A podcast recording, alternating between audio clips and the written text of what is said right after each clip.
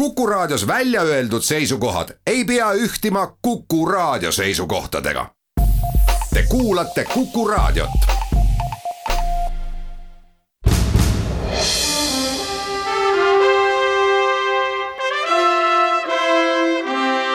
vahetund Postimehega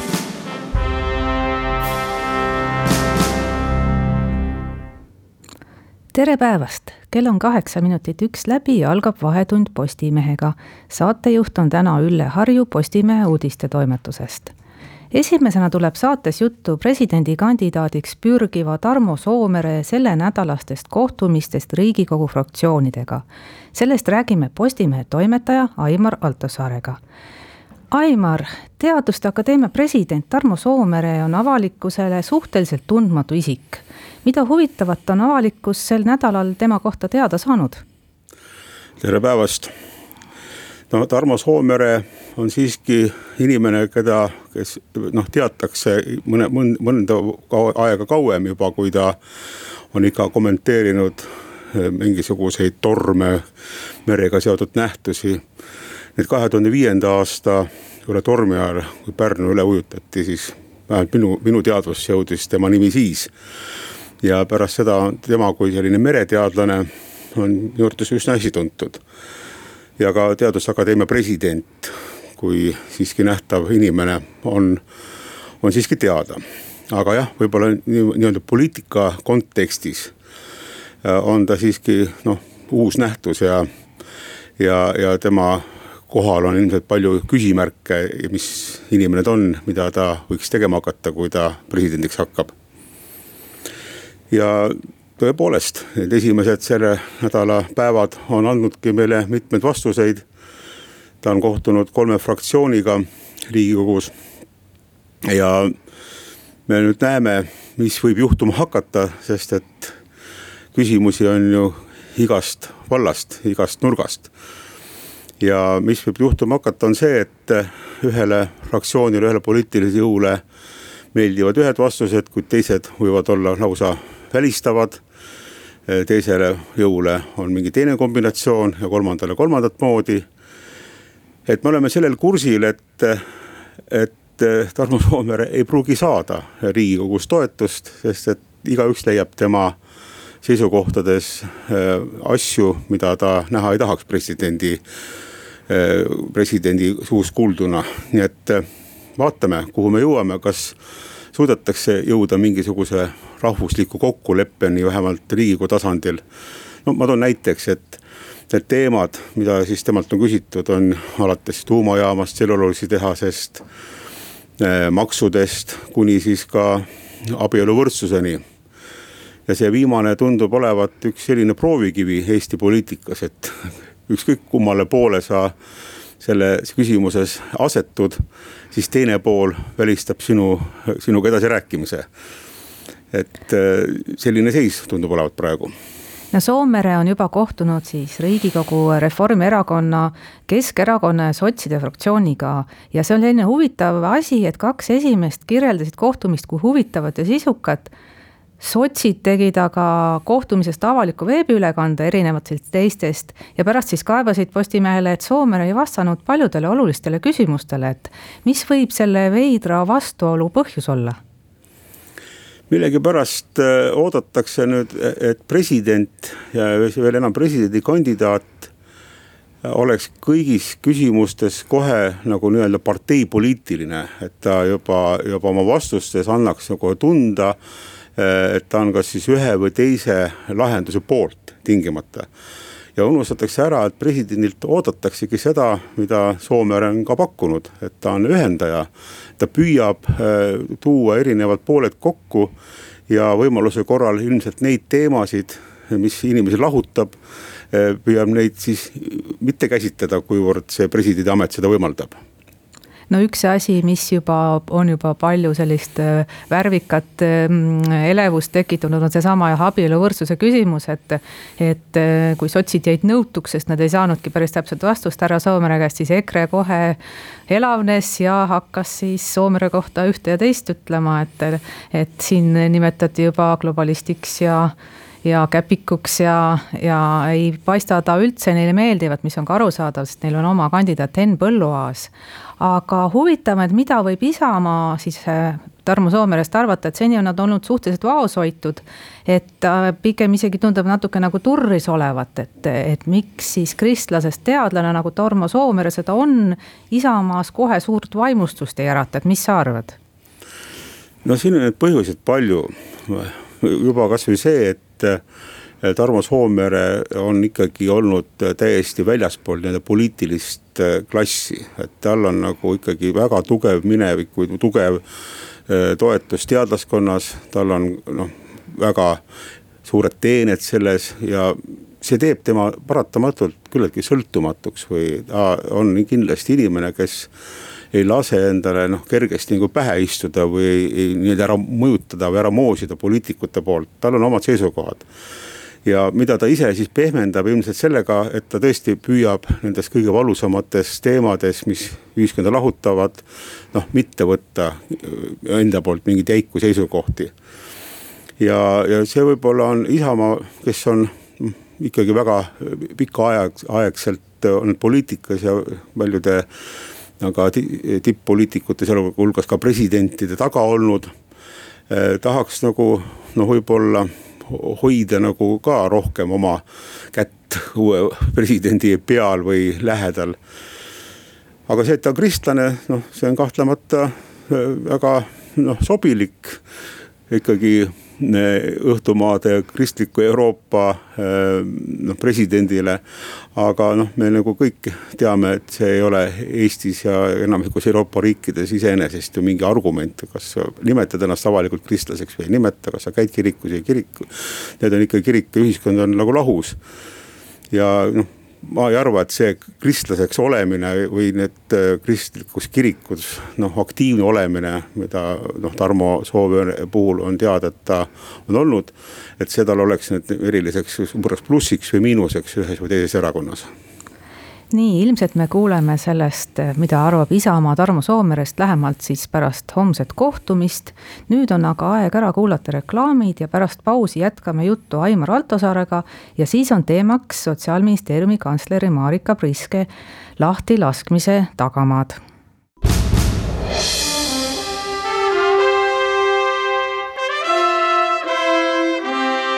vahetund Postimehega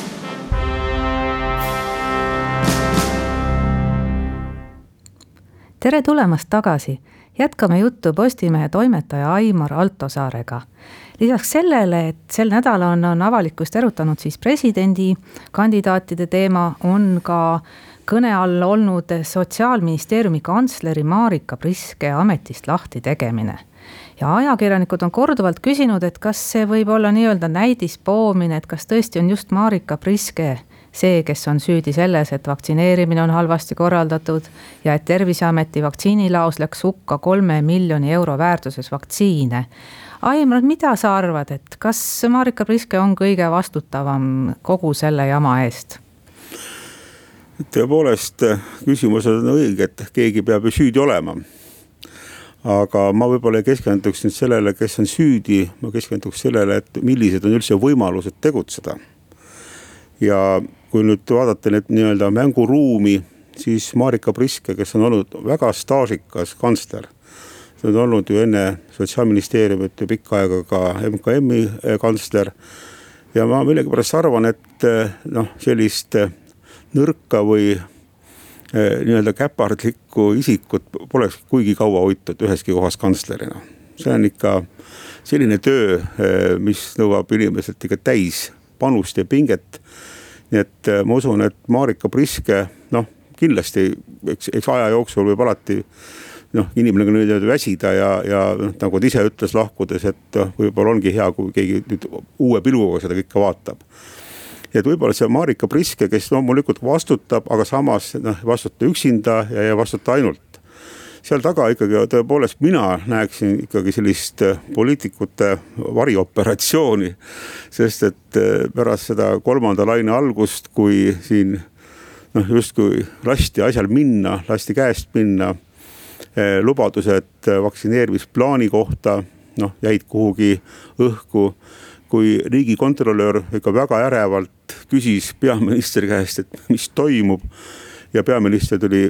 puhkuselt, katkestas puhkuse, noh siis on näha, et ikkagi tõepoolest mingi sõnum on kohale jõudnud, et on, on probleemid.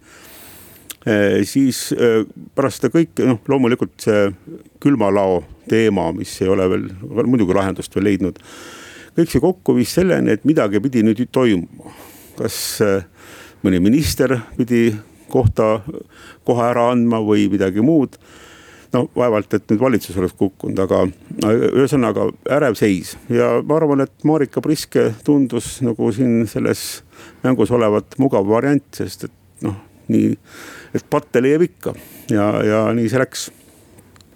Aga kelle süü see üldse on, et need asjad nii halvasti kokku jooksevad, et ma saan aru, et väga uus olukord, keegi pole varem kokku puutunud nii ulatusliku kriisiga aga kui näiteks lugeda neid ohtraid artikleid, mis ka meil Postimehes on kirjutatud, siis tunduvad need, et kõik on justkui peata kanad, et pidevalt tehakse valesid otsuseid, ei kujutata ette, mida rahvas ühes või teises olukorras võiks teha tuleb jama, inimesed ei tee nii, nagu poliitikud ette kujutavad, et kes peaks üldse siin korra majja lööma, et sa ise kirjutad tänase Postimehe päeva kommentaaris, et korra majja löömisel tuleks appi kutsuda Märuli kangelane filmist Visa hing, ehk siis tegelane, kes suudab erakorralises olukorras eesmärgile keskenduda, seleta lähemalt, et millist inimest oleks meil vaja praegu koroonakriisi ohjamiseks ja siis kindlale kursile suundumiseks? minu arv-, minu arvates on küsimus mänguruumis, mida ma juba enne nimetasin. Et kui ma pidasin silmas Märuli filmi kangelast, siis tema ju sai tuntuks noh filmides seeläbi, et ta eiras reegleid, tegi seda, mida ei tohtinud. ja nagu ta ise ütles, et ma teen mida iganes, et olukord ära lahendada no lõpuks küll takso, taksotrahvist või vabandust, parkimistrahvist pääses, eks ole.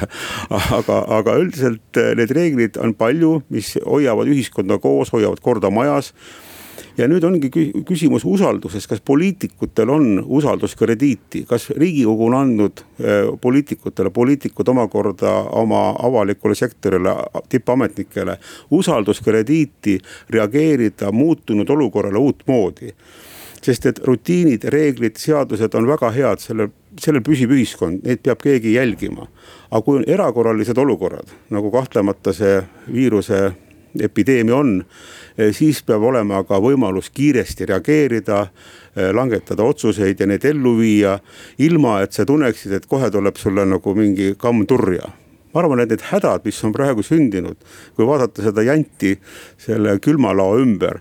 siis kõik vahivad üksteise otsa, kõik täitsid nagu mingid reeglid, keegi poleks nagu midagi valesti teinud. aga probleem on selles, et nad lihtsalt ei teinud, nad ei julgenud ja, ja sealt need hädad algasid no samuti pole ju praeguseni välja öeldud, et kes see ikka kruttis neid süsteeme seal niimoodi, et see olukord muutus ja inimesed lihtsalt ei teadnud, et nad peaksid kas siis iga päev jälgima neid temperatuuri näite ja miks ei anta alarmi ja see inimene on kuidagi ennast ära peitnud, et kas võib loota, et ta ikka kunagi välja tiritakse ja vastutuse võtab? ei no ma usun, et ta leitakse, ma, ma selles, ma arvan, või õigussüsteem toimub aeglaselt, aga ikkagi loodetavasti kindlalt ma räägin praegu nagu suurematest lahendustest, et, et siin peab olema äh, võimalus äh, tegutseda kiiresti ja ka improviseerivalt. See olukord, sest kõik need noh, kasvõi nende riigihangete taha on jäänud mitmed tegevused, mitmed äh, vajalike asjade ostmine aga aeg jookseb kiiresti, sul peab olema võimalus kiiresti reageerida. või nagu kogu selle kampaania juhtimine, vaktsineerimise või mitte ainult vaktsineerimise, kogu selle epideemia ohjeldamine. Siin oleks ikkagi võinud kaaluda juba kevadel, kui sellest juttu oli, leida nagu selline noh, mitte suhteliselt väikeste volitustega noh noh, inimene, kes korraldab ainult nii-öelda vaktsineerimist jooksvalt, vaid ikkagi noh, selline noh, olukorra, olukorra lahendaja. Kas ka või see ei pea olema eraldi amet või anda siis mõnele ministrile või ka kantslerile sellised volitused, et vaat sina vastutad, aga, aga me anname sulle võimaluse siis ka tegutseda ja loomulikult on poliitikute asi korraldada, et, et riigikogu kui rahvaesindus annaks selleks, selleks loa, seda ei saa ju teha, loomulikult ei saa seadusi ja reegleid eirata lihtsalt niisama, selleks peab olema mingisuguse ruumi tekitamine, tekitamine, kui on erakorraline, kui on erakorraline olukord no valitsuse pihta on siin palju kriitikat suunatud, et kuidas sulle tundub, et kas see valitsus on praegu kindel või siis nagu opositsioon siin loodab, et äh, peatselt kukub ja läheb jälle valitsuse vahetuseks, mis tunne sulle ütleb? no opositsioon peabki seda lootma ja opositsioon peabki äh, näitama ära kõik äh, noh, nõrgad kohad ja, ja ründama valitsust, see on noh, paratamatu mina arvan, et see valitsus muidugi praegu ei kuku ja, ja mitmel põhjusel, sest et noh, esiteks aeg on olnud lühike, kahel partneril ei ole veel nagu Eh, esiteks võib-olla ei ole piisavalt kokku harjutatud ja võib-olla ei ole ka piisavalt eh, probleeme omavahel veel kuhjunud ja need presidendivalimiste ja vaktsineerimise teemad, noh, need on küll olulised, olulised ja vali, valusad, aga noh, nendega peaks tegelema nagunii. Ma usun, et eh, tõe ja tunde hetked tulevad selle valitsusele pigem sügisel, kui läheb eelarve aruteluks juba riigikogus. või kui see valitsuse eelnõu septembri lõpuks riigikokku läheb, eelarve võib-olla siis on nagu võib-olla tõsisemaid küsimusi, aga, aga ka neid ma usun, nad suudavad lahendada ma, mul ei ole nagu seda tunnet, et seal nagu kuidagi see valitsus hakkaks kukkuma, ei ole nagu noh, ei ole selgelt tunnetatavat alternatiivi. kuigi noh, ma pean ütlema, et EKRE on nüüd pärast valitsusest äratulekut muutunud noh, palju, kuidas öelda noh, kas nüüd sõbralikumaks, aga ütleme, see retoorikat, seda kurja retoorikat, mida me iga nädal kuulsime, kui mitte mujalt, siis Tre raadiost. seda enam ei ole, et või noh, seda on hästi palju vähem. Et võib-olla EKRE siiski püüab ka oma, oma vigadest õppida ja, ja pakkuda alternatiivi, aga ma ei tea, praegu igal juhul mitte augustis veel, nii et me võime olla selles kindlad aitäh, Aimar, kommentaaride eest, nüüd kuulame ära reklaamid ja pooltunni uudised. pärast pausi vahendab Postimehe teadus- ja tehnoloogiatoimetuse juhataja Marek Strandberg seda, millised tuuled puhusid eilsel Riigikogu keskkonnakomisjoni erakorralisel veebiistungil, kus kaaluti Eestisse tuumajaama rajamise võimalikkust.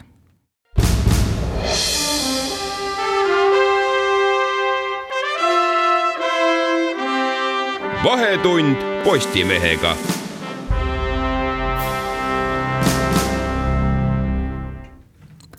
tere taas! nüüd räägime natuke sellest, millest oli juttu eilsel erandkorras avalikul riigikogu keskkonnakomisjoni istungil, mida sai jälgida veebist ja kus oli juttu Eestisse tuumajaama rajamise võimalikkusest. Postimehe teadus- ja tehnoloogiatoimetuse juhataja Marek Strandberg jälgis seda istungit ja pidas Postimehe kodulehel vastavat blogi sisu on siis selles, et, et on kaks erinevat petitsiooni. et ühed, üks seltskond kogus siis allkirju tuumajaama poolt ja teine seltskond vastu. ja sellel istungil said siis suhteliselt võrdselt sõna mõlema poole esindajad. Marek, mis, mis muljed jäid selle kõige vaatamisel? Kuidas tundub? muljed on nagu ikka nendel debattidel, et need, kes kõnelevad tuumajaama kasuks, ütlevad, et kuna inimkonna energiavajadus aina kasvab, siis seda ei ole võimalik ühelgi muul moel katta. Need väited jäävad sageli tõestamata, aga see selleks. ja need, kes kõnelevad tuumajaama vastu, siis tegelikult nad kõnelevad äh, suurema ohutuse poolt. noh, kuigi tuumajaama pooldajad ütlevad, ah mis tühja, et meil on nagunii reaktor maetakse maa sisse ja kui sellega midagi juhtub, et siis mm, ei juhtu midagi hullu, siis ometi on ikkagi niimoodi, et ähm, noh, tuumaõnnetusi tuleb ette ja mida väiksem riik, seda riskantsem ju see tuumaõnnetus on ja põhimõtteliselt see kaalumise koht, mis ka sellelt debatilt väga selgelt välja tuli, on see, et ühed, kes ütlevad, et möödapääsmatu on kasvatada energiatarvet ja teised ütlevad, et tuumaenergiaga seda tehes me astume teatavatele riskantsetele arengutele, millest eh, ennem jah, ega töötav tuumajaam on väga ohutu, ega keegi ei vaidlegi sellest üle, aga siis mittetöötav tuumajaam on juba ohtlik ja selle mittetöötamise koha pealt ma arvan, seal debatis osalenud Valdur Lahtvee osutas väga täpselt, et noh, kuna tuumajaama opereerimisel peab paratamatult riik olema järelevalvaja staatuses. ja siis ta noh, küllaltki küüniliselt, aga samas väga täpselt osutas, et kuulge, et kui riigis, kus ei suudeta kahe külmkapi temperatuuri kontrollida soovitakse ehitada tuumajaama, et kas siin midagi ei ole paigast ära tehnoloogilise kultuuriga ja selles osas tuleb temaga nõus olla no seal oli ka kuulda sellist asja, jälgisin ise ka seda ülekannet, et kohe jäid nii mõlemad pooled vahele ka ütleme suisa hämamisega. et valeks osutus siis Fermi Energiat esindava Andi Hektori väide, nagu pooldaksid Soome rohelise tuumajaama. ja samal teiselt poolt ei saa päris tõena võtta tuumajaama vastu oleva Madis Vasseri väidet nagu liiguks kogu muu maailm tuumaenergiast eemale. ma vaatasin, et eh, riigikogulased said isegi päris pahaseks, et ja Yoko Alender ütles päris kurjalt, et müügitööd tuleb mõlemalt poolt väga ohtrasti, et kuidas sulle tundub? siin on nagu see tuumajaamast eemale liikumine, et eh, see on pigem nagu selline selline tinglik, et ega ju ma lihtsalt meenutan seda ajalugu, et kuuekümnendatel aastatel, kui tuumaenergeetikat hakati nagu ühiskondades rohkem sisse juhatama, siis ootus oli selles, et aastaks tuhat üheksasada seitsekümmend, seitsekümmend viis ennustati maailmas kümmet tuhandet tuumajaama. Neid oli veidi alla viiesaja lõppkokkuvõttes. ja tänasel hetkel, kui vaadata nii-öelda energiakasutuse graafikuid, siis tuumajaamade kasutus energiabilansis on üsna stabiilne ja nii tuul kui päike on kasvanud samale tasemele, nii et kolmest allikast tuleb täpselt sama palju primaarenergiat täna maailmas. tuul ja päike jätkavad kasvamist, tuumajaamad on üsna nii-öelda stabiilses nii-öelda olekus ja hindadega on sama lugu, kuna tuumaohutusega seonduv muutub aina kallimaks. aina selgemaks saab see, et ähm, tuumajaamade omanikud peavad kinni maksma ka selle jaamade nagu likvideerimise. siis matmise, utiliseerimise, kuidas me iganes seda nimetame, siis tegelikult nii-öelda elukaareliselt on nii-öelda tuumaenergia muutunud tuule ja päikesega võrreldes noh, suhteliselt kallimaks. nii et jah, et see oli tõesti Vasserilt selline pigem vist jah, emotsionaalne väide, aga tõesti tsiviliseeritud ühiskondi, millised loobuvad tuumaenergeetikast, on aina rohkem ja selles osas oli ka väitlejate poolt siis Vasseril õigus, et pigem nagu soovitakse minna maadesse, kus üllatuslikult tuumaenergeetika alaseid regulatsioone ei ole ja Hektori väide on selles mõttes nii-öelda nii ja naa et äh, äh, küll rohelised on kahel korral lahkunud äh, tõesti valitsusest Soomes tuumadebati tõttu ja tuumaenergeetika tõttu. aga tänasel hetkel on nende noh, arusaam selline paindlik, mida ei saa tõlgendada küll ei ühe ega teise poole kasuks. olen ka selles osas teinud järelepärimise Soome rohelistele, et kuidas nendega on, ma ei ole siiamaani vastust saanud, eks kõik puhkavad no eks see olegi nii ja naa, aga siin avalikus ruumis üritatakse siiski ka natukene eksitada avalikkust, et väga palju räägitakse uuest tehnoloogiast, aga nagu ka eile välja tuli, et kui see seltskond siia tuumajaama rajaks, siis mingit uut tehnoloogiat küll kasutusele ei võetaks või kuidas jäi mulje? see mulje tuli välja tegelikult ka Kristen Michali enda sissejuhatusest, kus ta ütles, et tema mulje on see, et Eestisse hakatakse tegema ikkagi täiesti uue põlvkonna tuumajaama ehk neljanda põlvkonna tuumajaama, mille pareeris siis Andi Hektor öeldes, et ei, ei, et ega neid põlvkondi me saame käsitleda alles pärast seda, kui need valmis tehtud on. aga tõepoolest, et, et kohandatud väikereaktorid ehk modulaarsed reaktorid on need, mida soovitakse siia teha. ja oleme ausad, ega nende puhul on see ikkagi küsimus selles, et kas nii-öelda, ähm, kui me ostame mingi uue automudeli või riik ostab mitu uut autot või bussi. et kas selle tulemusena meie enda mingi tehnoloogiline areng ka kasvab selles autonduse valdkonnas, pigem mitte. ja need moodulreaktorid, mis tõesti on kolmanda põlvkonna reaktorid tekitavad jäätmeid, mis on ohtlikud pikka aega, tuhandeid aastaid siis ega nende puhul ju eelis nendel, mida välja tuuakse, ongi see, et tehases ehitatakse need valmis. see võtab aega umbes kaks aastat, siis tuuakse need tünnid kohale, maetakse maha, nad toodavad oma voolu ära, siis võetakse kütus välja, pannakse uus sisse. ja, ja selles osas ega seal mingit erilist innovatsiooni ei ole. see, kus maailmas innovatsioon on toimumas, on päriselt siis neljanda põlvkonna või nagu öeldakse, kiiretel neutronitel reaktorite arendused kus tõepoolest oleks võimalik kasutada ka juba täna olemasolevaid tuumajäätmeid, mis on kolmanda põlvkonna ja varasemate põlvkondade poolt tekkinud kütusena. aga noh, kõige lähem meil selline arendus on minu teada nii Taanis kui midagi on ka Norras. aga see on kõik veel nii-öelda oraste pääl, et sealt ei ole midagi välja tulnud. No teine asi, mis pani lambikese nii-öelda põlema, oli see, et palju see tuumajaama rajamine lõppkokkuvõttes Eesti riigile võiks maksma minna, et siin räägiti juba kümnetest miljonitest, mis kuluks siis spetsialistide koolitamisele, igasugustele uuringutele. et kas selle kohta on mingisugust selget arusaama, et kui, mis summadest me räägime? no äh, siin on öeldud seda kunagi ähm, minu meelest Majandus- ja Kommunikatsiooniministeerium, et see võib maksma minna sellise järelevalvesüsteemi loomine üle kümne miljoni euro võib-olla läheb rohkem. selle üleval hoidmine, mis tähendab ju seda, et äh, need inimesed, kes sellesse järelevalvesüsteemi ju palgatakse ja koolitatakse, et nad ju noh, töötavad selles mõttes tühja nii kaua, kuni jaama veel ehitatud ei ole. ja üks nagu, üks nagu väga nähtav selline risk on ju selles, et nagu ahjualuse efekt et tullakse, ehitatakse, no me teeme väikese tuumajaama, kolmsada megavatti või umbes nii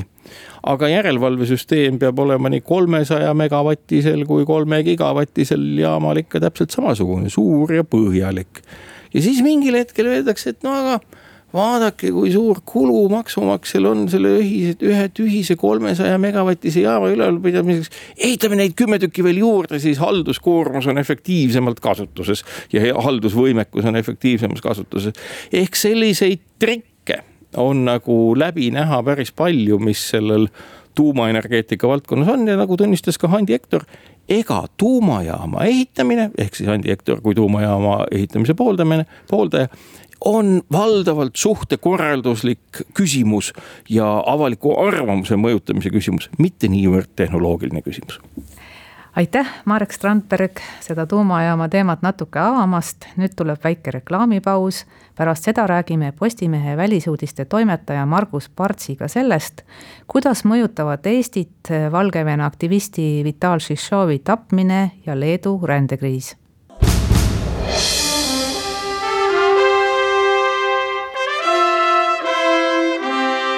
Vahetund Postimehega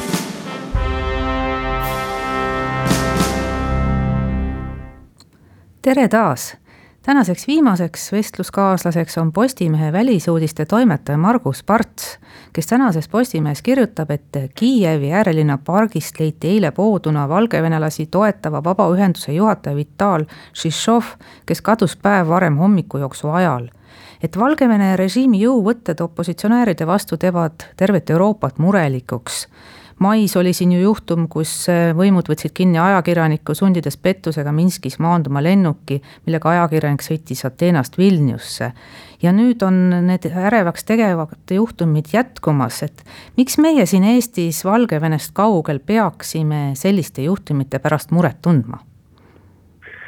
No tere päevast. Ja no nagu sa mainisid juba, et äh, loomulikult teevad need juhtumid ärevaks tervet Euroopat ja noh miks meie peaksime muret tundma, esiteks loomulikult äh, seetõttu, et me oleme ju solidaarsed teiste riikidega, me ei soovi ju, soovi näha samasuguseid asju kordumas enda pinnal. Ja, ja noh, teine asi on loomulikult see, et, et Valgevenes jätkuvad äh, vägivaldsed äh, mahasurumised esitamõtete vastu, et noh, selline asi kahekümne esimese sajandi Euroopa keskpunktis asuvas riigis on ikkagi noh, väga, väga julm ja täiesti vastuvõetamatu kui hull see olukord praegu Valgevenes on? No mulle tundub, et olukord selles mõttes läheb järjest halvemaks, sellepärast et äh, president Lukašenka on seljaga selgelt vastu seina, et tal ei ole kuhugile minna ja ja tundub, et need jõuvõtted muutuvad järjest karmimaks, et noh, Šišovi tapmine, noh, arvata tapmine, ega me ju ei tea, et, et mis sellest täpselt juhtus, aga no on alust arvata, et ähm, et Valgevene KGB-šnikud siis tegutsevad ju ka äh, lähiriikides, et, et noh, sellised, sellised äh, asjad on juhtunud ka varem ja, ja Valgevene opositsionäär on ju püütud kinni äh, muudestki riikidest, et, et see ei ole nagu üksiknäitaja. ja noh, näiteks teine viimasel nädalal toimunud äh, suurem areng on ju, puudutab Valgevene sprinterit äh, Kristina Tsimanovskajat, kes siis sunniti Tokyo olümpiamängudelt koju naasma pärast seda, kui ta oli oli kritiseerinud Valgevene spordialaliitu ja tema keeldus siis lennuki peale minemast, palus asüüli ja siis nüüd täna läheb Poola, et noh, ühesõnaga kogu selle asja kokkuvõtteks, et, et me tegelikult näeme, et, et see Lukašenka režiimi kampaania igasuguse noh, vähesegi teisiti mõtlemise vastu on muutunud ikkagi üsna karmimaks, et, et noh, mida siis see olümpiasportlane tegi nii valesti, et, et teda oleks pidanud siis äh, väeviisil kodumaale viima, et noh, see on ju täiesti absurdne, eks ole, et, et noh, inimest taheti ilma tema nõusolekut küsimata lülitada teate naiskonda, tema ei olnud sellest mitte midagi kuulnud, siis ta ütles paar sõna ilmselt äh, treenerile ja alaliidu kohta, et, et mis mõttes, et asjad niimoodi käivad, ja siis selle eest siis äh, toeti ta siis sisuliselt nagu maalt välja saata ja noh, jumal teab, mis temaga siis oleks Valgevenes tehtud, et, et noh, see on ju täiesti üle, üle võlli käitumine Valgevene režiimi poolt no Valgevenega seoses on veel üks suur mure, et Leedu on hädas Valgevenest massiliselt sisse murdvate migrantidega ja olukord läheb aina hullemaks ja analüütikud on nimetanud olukorda suisa Valgevene hübriidsõjaks, et mis seal toimub? no hübriidsõda see kahtlemata on, et noh, Valgevene režiim kasutab äh, endale käepäraseid vahendeid, kuidas siis survestada enda naaberriike. Äh, kogu see asi algas sisuliselt pärast seda, kui Euroopa Liit kehtestas äh, sanktsioonid Valgevenele ja noh, nagu oleme juba korduvalt öelnud, siis ka seal muutub olukord hullemaks. Ähm, täna tulid teated, et, et Valgevene piirivalvurid siis on leidnud vägivalla tundemärkidega migrante Äh, ja väidetavalt siis üks iraaklane on surnud. Äh, no Leedu siseminister ütles selle kohta nüüd paar tundi tagasi tehtud avalduses, et äh, esiteks Leedu piirivalvel ei ole mitte mingisuguseid tõendeid selle kohta, et selline asi oleks üldse registreeritud. Ja tõenäoliselt on tegu siis Valgevene propagandaga, et näidata siis Euroopa Liidu riiki Leedut halvas ja noh, arvata on, et see viimatine selline laimukampaania, noh arvatavasti siis laimukampaania on vastus siis äh, Leedu siseministri otsusele, et, et Leedu võib hakata migrante tagasi saatma piiri pealt. et noh, praegu me näeme näiteks seda, et ähm, viimase ööpäevaga peeti siis Leedu pinnal kinni kolmkümmend viis äh, Valgevenest ebaseaduslikult piiri ületanud migranti, aga päev varem oli see arv olnud kakssada kaheksakümmend seitse. ehk siis noh, tegelikult Leedu on võtnud vastu uue taktika, et inimesi ei võeta enam nii palju vastu, vaid saadetakse ka tagasi ja on antud ka julgeolekujõududele lisavolitusi äh, migrante siis äh, noh, äh, füüsiliselt, eks ole, kinni hoida, kasutada nende peal nagu laiemaid noh, ma ei taha öelda jõuvõttedega, ütleme, et siis nagu seadusega lubatud vahendeid. et, et see kindlasti on jälle Lukašenka režiimile selline noh, punane tuli et, et äh, noh, nad näevad, et nende see käik, et siis saata täiesti valimatult inimesi üle piiri enam ei tööta nii hästi. ja siis äh, noh, jällegi näeme seda, et lihtsalt Minskis mõeldakse, et keerame nüüd asjale uue vindi peale ja üritame leida mingisuguse muu mooduse, kuidas siis äh, diskrediteerida naaberriiki no Leedu kohta on öeldud ka, et ta vaevu-vaevu tuleb selle kriisiga toime, et kas võib juhtuda, et see väljub kontrolli alt ja peab kutsuma appi siis Euroopa Liidust teisi riike? no jah, loomulikult äh, igasuguseid asju võib juhtuda, et me ei oska ju prognoosida, et, et, et kuidas rändevoog hakkab kujunema ja ja millised need numbrid saavad olema, et, et noh, me ju teame, et, et Leedu praegu on saanud igakülgset abi naaberriikidelt, et noh, kaasa arvatud ka Eesti on saatnud Leedu rohkastraati ja igasuguseid äh, noh, muid vajalikke vahendeid, telke ja, ja kõike, et migrantide majutamiseks ja ja piiri tugevdamiseks, et, et noh, see, mida tulevik toob, seda ei oska öelda, no hiljuti käis äh, Euroopa Komisjoni sisevolinik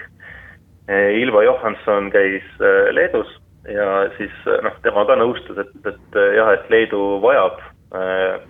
lisaressursse piiri valvamiseks ja piiri kindlustamiseks ja, ja lubati need ressursid ka, ka leida. küll aga noh, tegelikult ega me teame, et, et see ei ole ju niisama lihtne, et nüüd ehitada mingi, ma ei tea, kuu ajaga see füüsiline tõke sinna piirile, et et noh, Leedu siseministeeriumi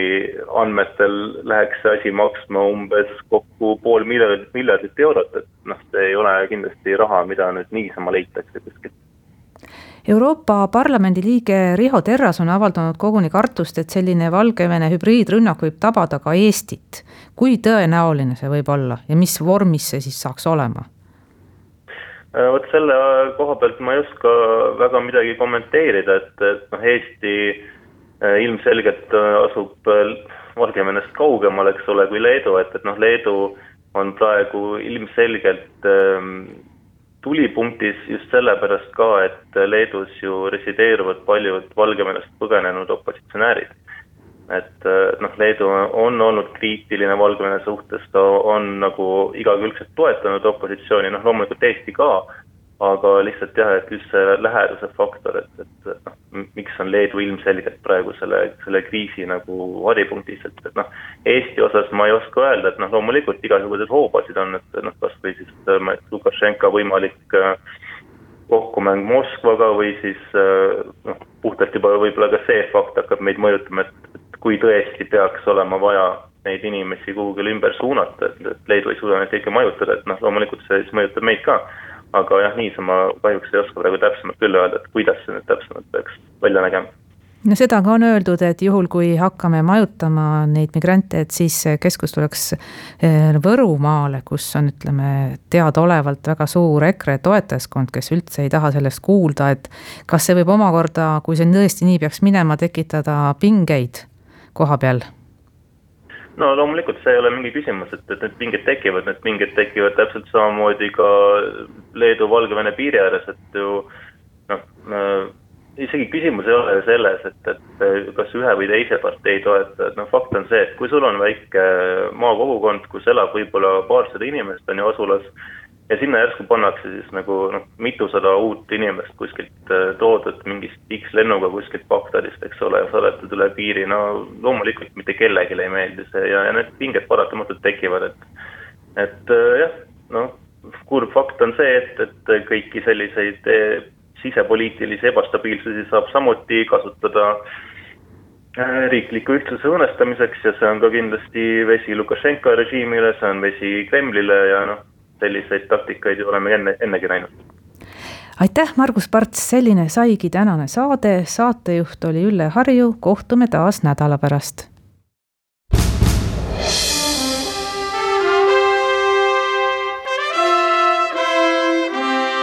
vahetund Postimehega